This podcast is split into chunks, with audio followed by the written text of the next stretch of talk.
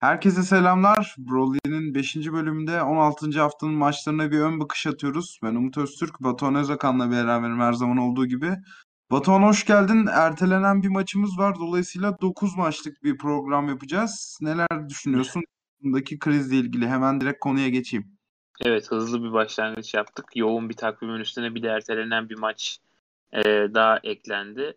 Yani bunu nereye koyacaklar? Açıkçası onu da bilmiyorum bu sıkışan takvimde.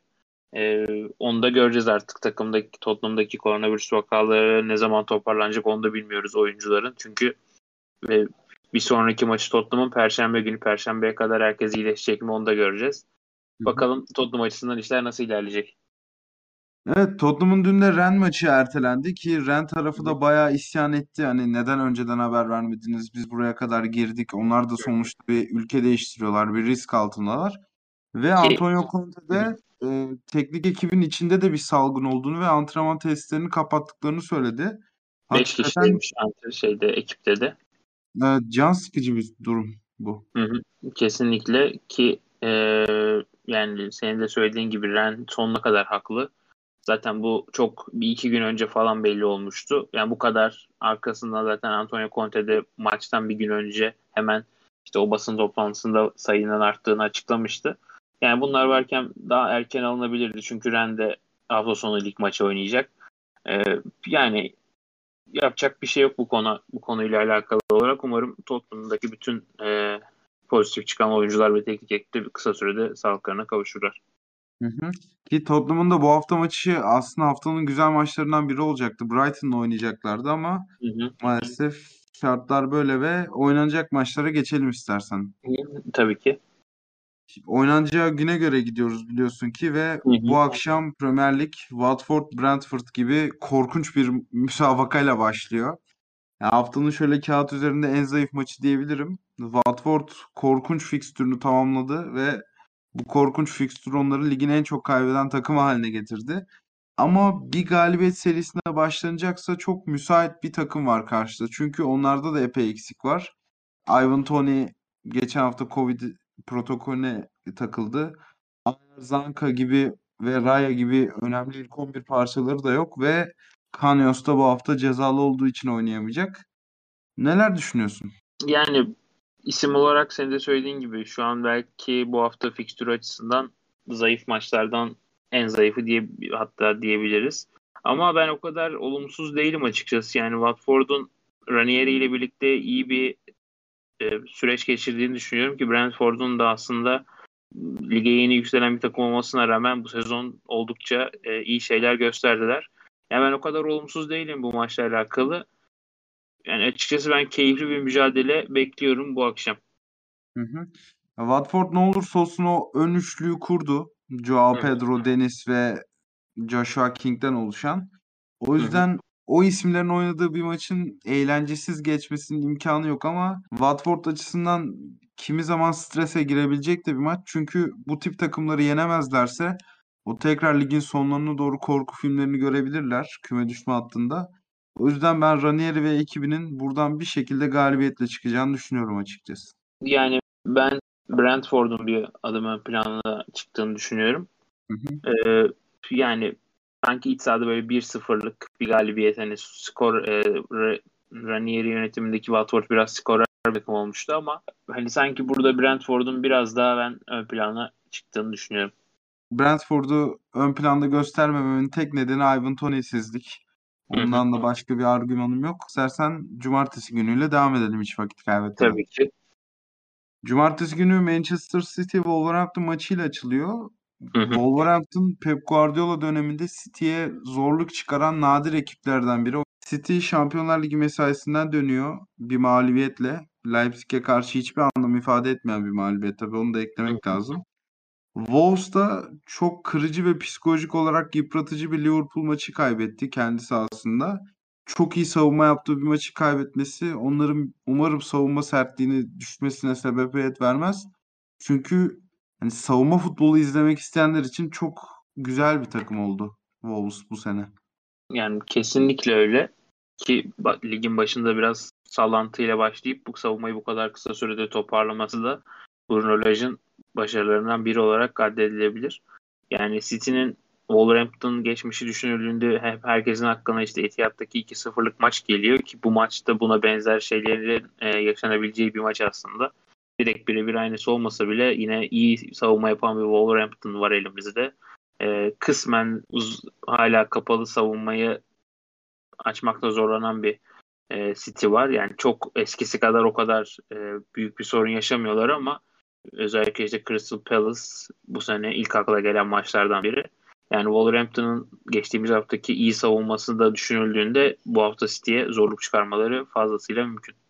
Hı hı. Ya tam ben de bu son kurduğun cümlenin sorusunu soracaktım. Hani geçen hafta Liverpool'a karşı çok büyük problem çıkardı. Bu Tiles, Cody, Kilman üçlüsü hatta Ait Nuri'yi de katabiliriz ve geçen hafta üzerinde Semedo'yu da çok beğendim ben. Bu beşlinin aslında City'ye de böyle bir 90 dakika yaşatacağını düşünüyor muydun diye soracaktım ama sen zaten cevabını verdin. Hı hı. Wolverhampton'da bir değişiklik beklenmiyor. Liverpool maçına çıkan kadronun aynısı. Bu da demek oluyor ki Adama Traore de oynayacak. City'nin belalılarından biri o da. City'de de en büyük gelişme Kevin De Bruyne'nin ilk 11'e dönmesi. Onun dışında geçen haftadan başka bir değişiklik yok. Grealish de kenarda oynayacak. Bir skor tahmini veya herhangi başka bir şey var mı bu maçla ilgili? Yani açıkçası skor tahminim ben birazcık e, golsüz bir maç izleyeceğimiz yani skor olarak düşük seviyede bir maç izleyeceğimizi düşünüyorum. Onun haricinde yani City çok büyük bir favori tabii ki. E, Wolverhampton'ı ön plana çıkarmak çok zor. E, biraz hayalcilik olur. Ama ben City'nin de yine belirli periyotlarda özellikle ilk yarım saatte maçı açamayacağını ve e, kolay bir galibiyet yani alabileceğini de sanmıyorum. Alırsa da yine Liverpool'un geçtiğimiz haftaki galibiyeti gibi belki zorlanarak bir galibiyet elde edebileceğini düşünüyorum.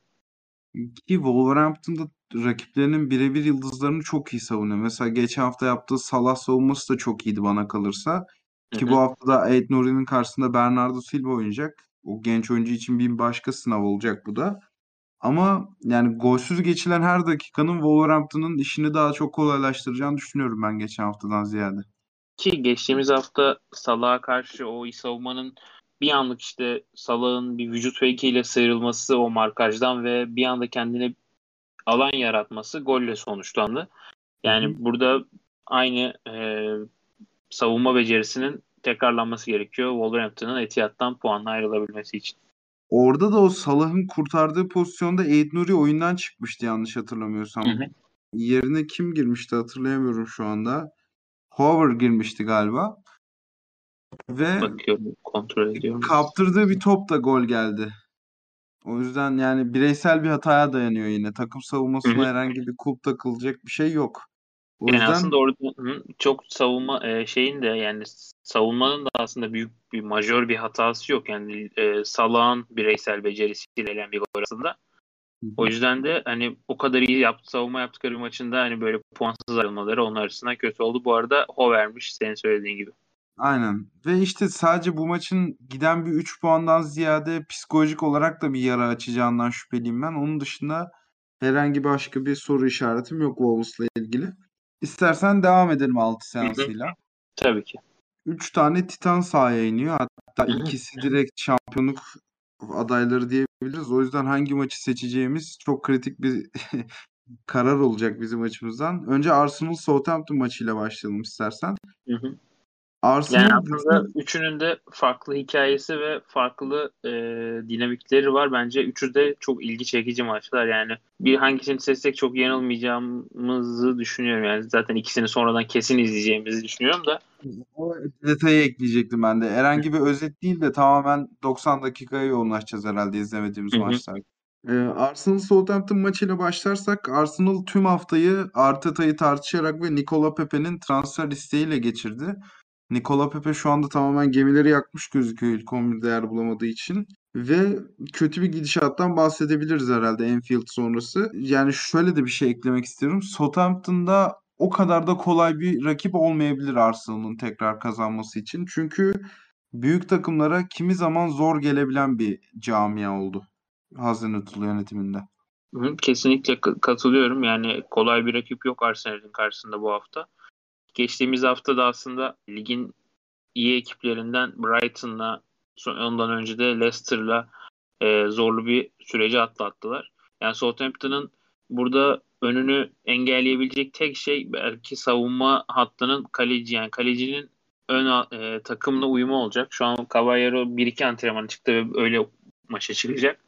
Yani, yani tek sorun yaşarlarsa Caballero'nun uyum sorucu, sorunundan kaynaklanan bir sorun yaşayacaklarını düşünüyorum. Yani ligin bu e, ilk geçtiğimiz programda şeyin Premier Lig'in son bölümünde konuşmuştuk. Yani ligin bu bölümünde yoğun bir takvime girerken e, takıma hiç bilmeyen bir kaleciyi getirmek ve uzun zamandır hani çalış e, bir takımla çalışmayan bir boşta kaleciyi getirmek ve zor e, bir durum. Herhangi bir kulüp için yani hangi takımın başına gelirse gelsin bu aynı zorluğu içeriyor. O yüzden hani Southampton'ın kısa vadede başına dert olabilecek en büyük konu bu aslında. Hı hı. Ya gerçekten çok ilginç bir konu. Ben de Hazenüttal'ın basın toplantısını dinledim. Bir not çıkarabilir miyim Aposto içeriği olarak diye. Hı hı. Birkaç tane video izleyip toplantı yaptıklarını söyledi Caballero ile ilgili ve oldukça mutlu olduğunu söyledi Willi'nin katılmasıyla beraber. Ya tabii ki bir menajerin bunu söylemesi çok büyük sürpriz değil. Aynı zamanda Bednarek'in de oynayacağını açıkladı. Bednarek olmasaydı bambaşka bir senaryoya sürüklenebilirdi ama o savunma liderinin geri dönüp Lianco ile kuracağı işbirliği burada Southampton adına belirleyici olacak. Arsenal'a geçtiğimizde Arsenal Lacazette Aubameyang ikilisini beraber kullanmayı planlıyormuş bu hafta çıkan haberlere göre. Ve orta sahada da Chaka Party ikilisi olacak. Chaka Party ikilisinin birbirine uyumu hakkında soru işaretlerim olsa da şu anda fena bir tercih gibi gözükmüyor herhalde Arsenal adına. Yani şöyle benim bir endişem var. Şaka uzun bir sürenin ardından takıma dönüyor. Yani Parti ile birlikte aslında tam ikisi de ön alana e, destekleyecek şekilde e, bir oyuncu profili değil aslında. Yani şunu demek istiyorum. İkisi de çok defansif yönleri ağır basan iki oyuncu diyebiliriz. Parti biraz daha ön plana çıkıyor tabii ki.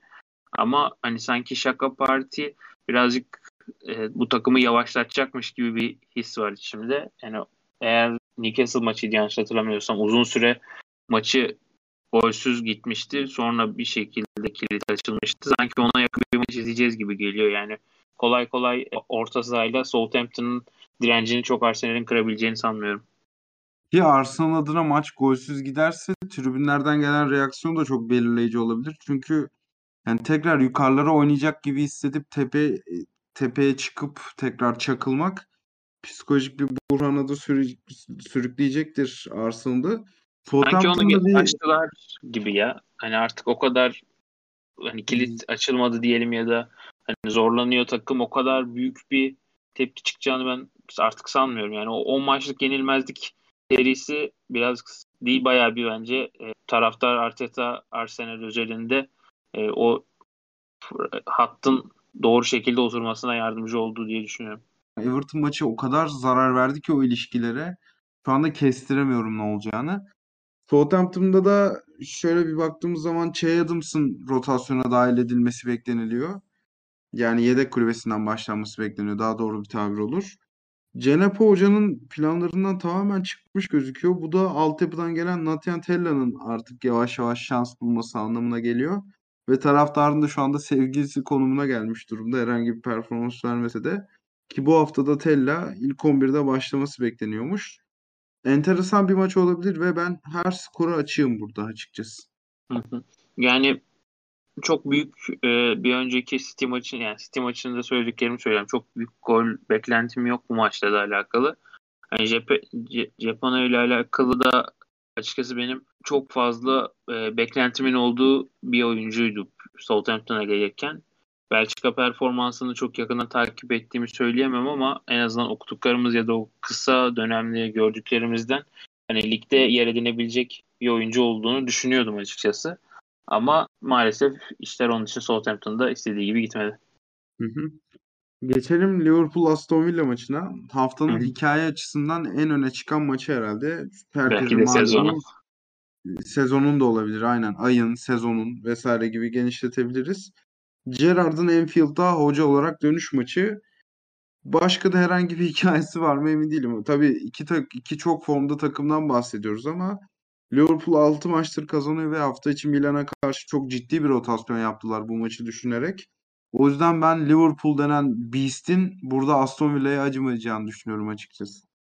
Yani hafta hafta içi senin, senin de söylediğin gibi Milan'a karşı iyi bir rotasyon yaptı Jurgen Klopp ama onun da e, ona rağmen rakibini devirmeyi başardı ve 6'da 6 ile e, grupları tamamladı ve 6'da 6 yapan ilk İngiliz takımı oldu Şampiyonlar Ligi'nde.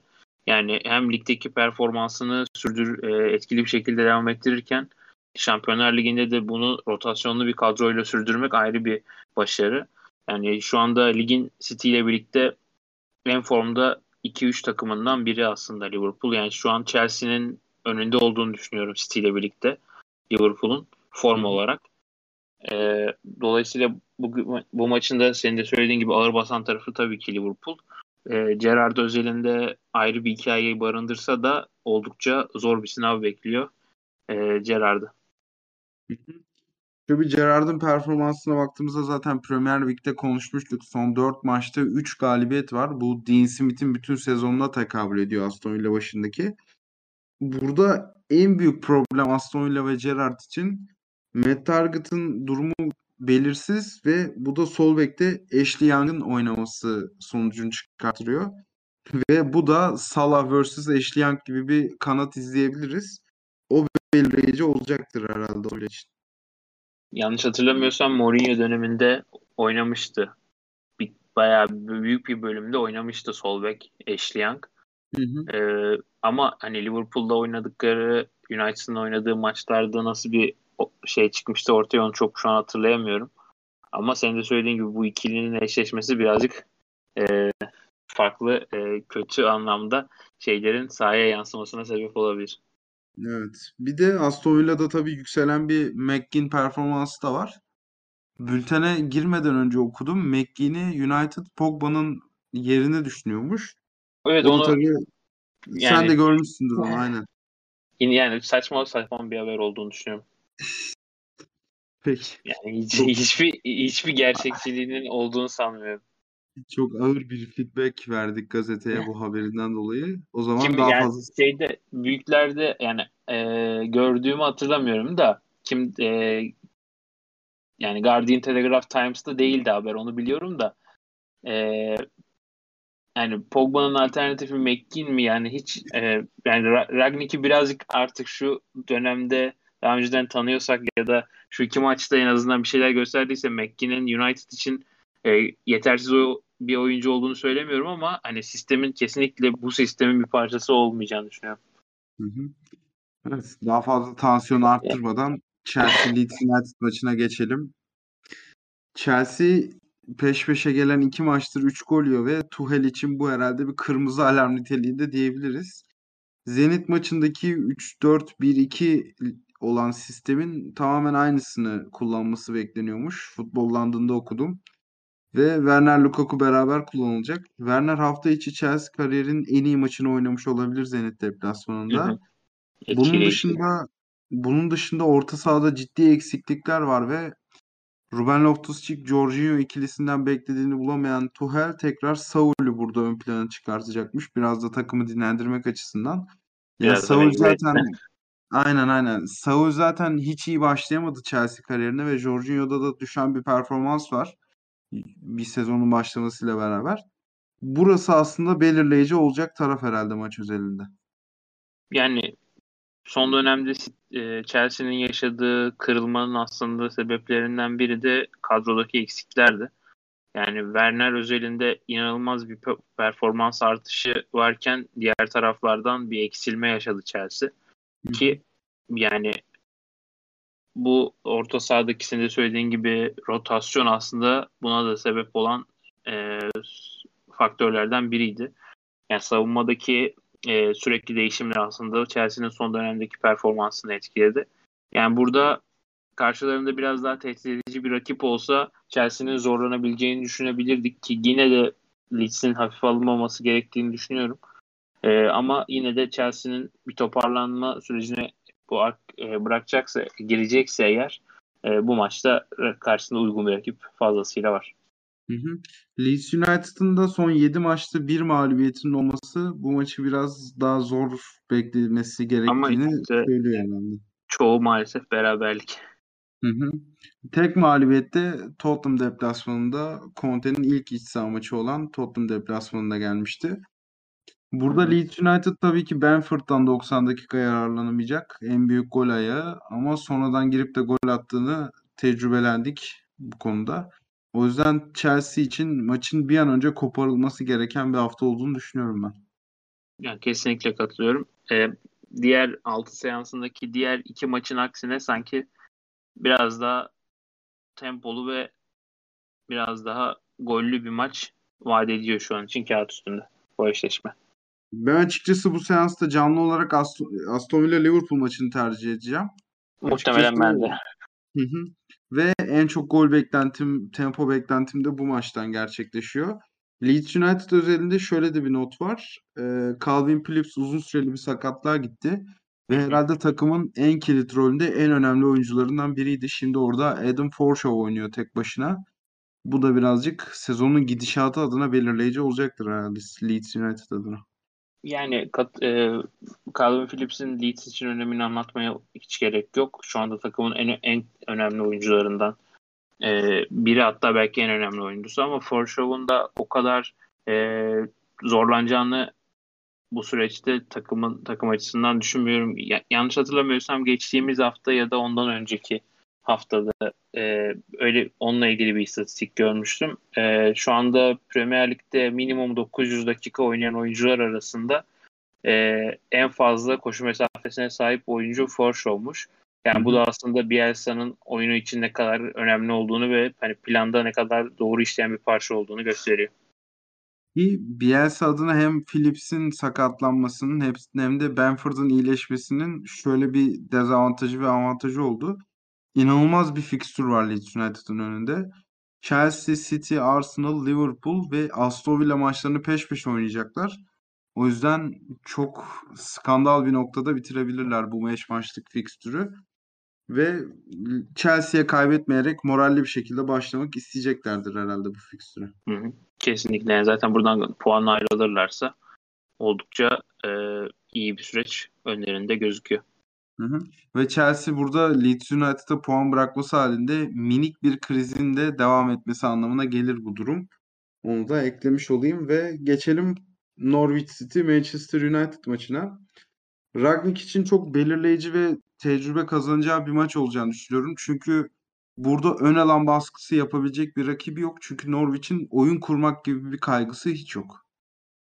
Yani belki bundan bir 3-4 hafta önce Daniel Farke görevdeyken oynansaydı bu maç tam tersini söylüyor olabilirdik kısmen. Ki yani Norwich'in tamamen e, ön alan baskısı yapan veya geriden oyun kurma ile alakalı e, bir planı olan takım olduğunu o dönemde de söyleyemezdik ama Dean Smith'le birlikte işler tamamen tersine döndü ve çok savunmacı, çok katı bir takım haline büründü Norwich. Yani United'ın burada e, önünde Palace maçında benzer bir senaryo var gibi gözüküyor şu anda. Hafta içi rotasyonun da rotasyonunu yaptı ve Ee, şiddetli Ragnik- bir rotasyon yaptı gerçekten yani.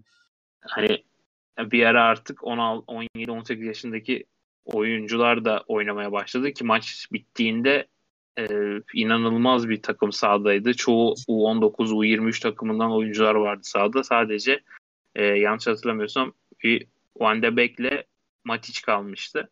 Hı hı. E, yani kaleciyi bile Tom Heaton'ı sokmuş, sokarak farklı bir şekilde onun tabii ki oradaki hikaye farklıydı ama çok inanılmaz bir rotasyonla Şampiyonlar Ligi serüvenini tamamladı United. Yani bu maç o maç tabii ki bir kıstas değil ama e, Palace maçındaki Ragnik'in oyununun bize yansıttığı şeyler bu maçta da göreceğimiz noktalardan biri olacak ki burada bence biraz daha avantajlı bir konumda United. Yani Norwich'in e, Palace kadar geriden e, top çıkartmada baskıya karşı kolay bir e, süreç yaşayacağını düşünmüyorum. Yani çok daha zorlanacağı bir maç izleyeceğiz. E, o yüzden United'ın erken gol bulabileceği bir maç görmemiz de fazlasıyla mümkün şu an için. Hı hı. Sen United'ı çok güzel özetledin. Üstüne ekleyeceğim bir şey yok. Ben de Norwich'le ilgili birkaç not aktarayım. Dean Smith şu anda geldiğinden beri takımla oyun hamuru gibi oynuyor açıkçası. Ya ilk geldiği zaman Southampton galibiyetiydi yanlış hatırlamıyorsam. 4-1-4-1 gibi dizilmişlerdi sahaya. Daha sonraki hafta Newcastle'a karşı 4-3 oynadılar. Ve Tottenham deplasmanında da beşli bir hattın önüne 3 tane daha savunma kimlikli bir orta saha oyuncusu, 2 de forvet atmıştı öne. Aslında bu da Big Six takımlarıyla karşılaştığı zaman nasıl bir düşünceye sahip olacağını gösteriyor bize. Burada iki santraforun yerine 5-3-1-1 gibi bir taktikte çıkacak. Bunun da en büyük nedeni çok kilit isimleri dönüyor bu hafta Norwich'in. Cantwell, Norman ve Ozan gibi direkt ilk 11'e eklenecek parçaları dönüyor. O yüzden Norwich için aslında çok da enteresan bir maç haline gelebilir bu. Bir öne geçtikleri takdirde kilidin açılması zorlaşabilir United adına. United'da da Diego Dalo formayı almış gözüküyor Van Bissakka'dan ki Van Bissaka hafta içi de iyi bir maç çıkaramadı. Tabii ki çok normal. Elverişli bir kadro yoktu iyi oynamak için. Ama Dalo'nun Ragnik için daha uygun bir parça olduğunu söyleyebiliriz herhalde. Ki TS için de aynı şeyi söylemek mümkün. Yani Luke Shaw'un tabii ki belli bir yanlış hatırlamıyorsam bir sakatlığı da var ama yani şu anda o Kerry'in son maçı ve bir önceki Chelsea maçında şov oynamıştı galiba. Hatırlı, şu an tam hatırlamıyorum ama sonraki maçta TS oynamaya başlayıp e, şu anda bütün Ragnik döneminin ve o son maçın Kerik'le birlikte olan TS çıkıyor. Senin de söylediğin gibi Dalo ile birlikte. Yani sanki Dalo TS ikilisi şu anda Ragnik'in daha öncelikli tercihleri. Bunun farklı sebepleri var. İşte Luke Shaw ve Van Bissaka'nın çok savunma e, bazı oyuncular olması ve savunma e, savunma yeteneklerinin çok daha ön plana çıkması hücum e, yönlerinin aksine. Ki muhtemelen tercih sebebi de bu. Eğer Ragnik e, sezon sonunda ayrılıp yani ayrılıp derken teknik direktör olarak devam etmeyecekse takımda e, sanki ilk hamleler oraya olacak gibi geliyor. E, yani kısa vadede tabii ki bir şey beklemiyorum o oraya bir Ocak ayında iki tane büyük transferin olacağını ama Ragnik'in en azından ilk müdahalesinin oraya da olacağını düşünüyorum. Ya ben burada aslında United için çok kolay bir maç gibi gözükmüyor bu ama şöyle büyük laflarda söylemek istemiyorum. Hani zorlanır, puan kaybeder tarzı. Çünkü elinde çok büyük bireysel yetenekler var. Fernandez, Ronaldo vesaire. Hı hı. Ama Norwich'in de kadrosunun ben şu anda ligde bulundukları tabloyu yansıtmadığını düşünüyorum açıkçası. Özellikle bu hafta çıkacak 11'e bir baktığım zaman şu anda işte Max Aarons, Yanulis gibi çok prospekt iki tane oyuncusu var. İşte orta sahada Norman pozisyona göre golcü bir oyuncu. Cantwell zaten bu takımın en büyük herhalde. Buendia ile birlikte gol ayağıydı son lige çıktıklarında. Önde de olsun takımın lideri sayılabilecek bir Pukki var. O yüzden Norwich'i izlemek önümüzdeki haftalarda daha eğlenceli olacak gibi geliyor bana. Yani katılıyorum. En azından e, Farke ile birlikte e, birazcık kötü bir takım izlenimi veriyordu ama Dean Smith'in gelmesiyle toparlanan toparlanan bir takım e, gördük. Yani saydığın isimlerle alakalı yaptığın yorumlara ekstra bir şey söylemeyeceğim. Hani ki Max Aarons'ın da ben yakın zamanda artık e, Premier Lig'in üst sıralarında oynayan bir takıma da transferini bekliyorum açıkçası. Hı hı. Evet, geçelim Burnley West Ham United maçına. Pazar gününe geçtik. Zor bir maç. Hem izlemesi. Özellikle. Yani izlemesi gerçekten zor bir maç olacak. Burnley'de 2-3 hücum aksiyonu sağlayabilecek tek parça olan Maxwell Corner yok bu hafta. Ve hücum yine yan ve uzun toplara kaldı diyebiliriz herhalde Burnley adına. Peki ya şöyle spesifik bir soruyla geleceğim bu maç özelinde. West Ham United Big Six özelinde daha açık oynamayı seven takımlara karşı çok büyük bir tehdit ama böyle hücumu düşünmeyen savunma kimlikli bir takıma karşı da sence performansını sürdürebilir mi? Yani bunu sanmıyorum diye düşünüyorum ama e, yani bu maç e, belirli açılardan bu sezonki şey maçına birazcık bence benziyor. Crystal Palace maçına Burnley'nin oynadığı. Yani o maçta da çok büyük bir sıkışma bekliyorduk ama gol patlaması yaşanan bir maç oldu. Sanki burada West Ham'ın da oyun tarzı nedeniyle e, ona doğru gidebilecek bir maç vaat ediyor. İzlemesi şu an için dediğim gibi kağıt üstünde zor ve iki takımın tercih ettiği sebep, şeyler sebebiyle belki çok ön, e, seyir zevki vaat etmiyor ama maç içi tercihlerle birlikte hani West Ham'ın da son dönemdeki artan performansı sağlantıdan sonra toparlanmasını düşünürsek birazcık e, belki keyifli hale gelebilir.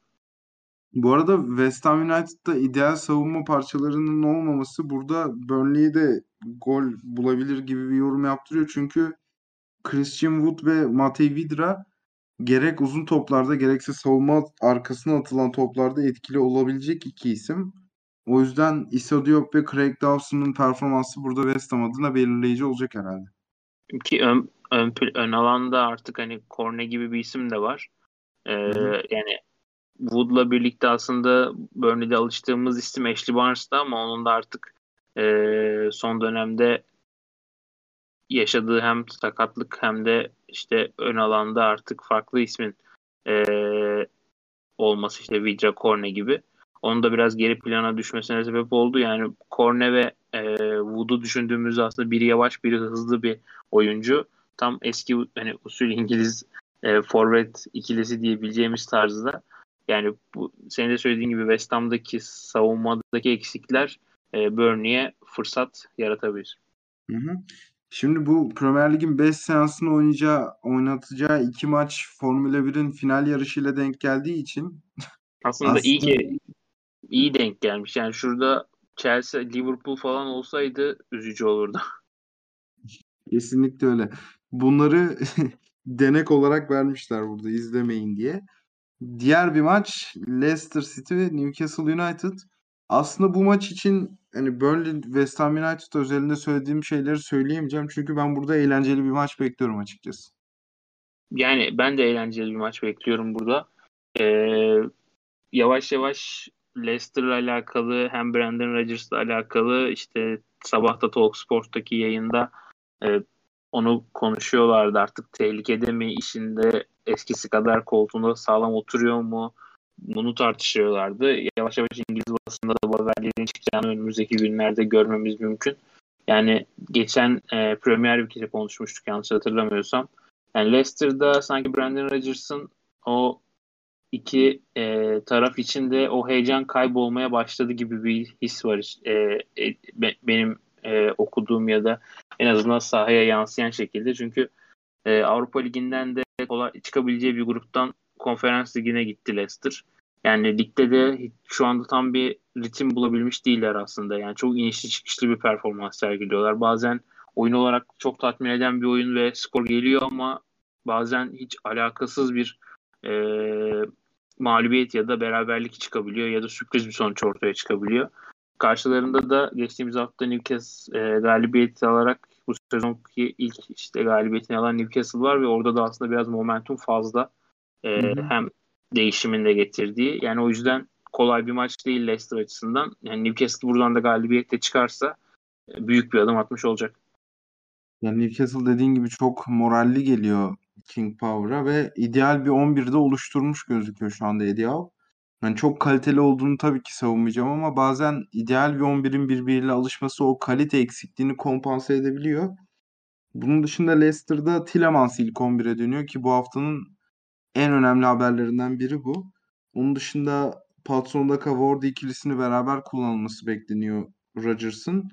Ve dediğim gibi Leicester hafta içinden bir maçla geliyor ve konferans ligine gitmemek için bütün yolları araştırıyor olmalılar herhalde şu anda. Brandon Rodgers da öyle bir açıklama yapmış. Hani ne olduğunu bilmiyorum bu ligin diye. Hakikaten... Playoff'a kaldılar diye gördüm ama playoff mu yoksa direkt şey direkt konferans liginde oynayacaklar galiba. Ondan tam emin değilim şu an ama. Hı hı.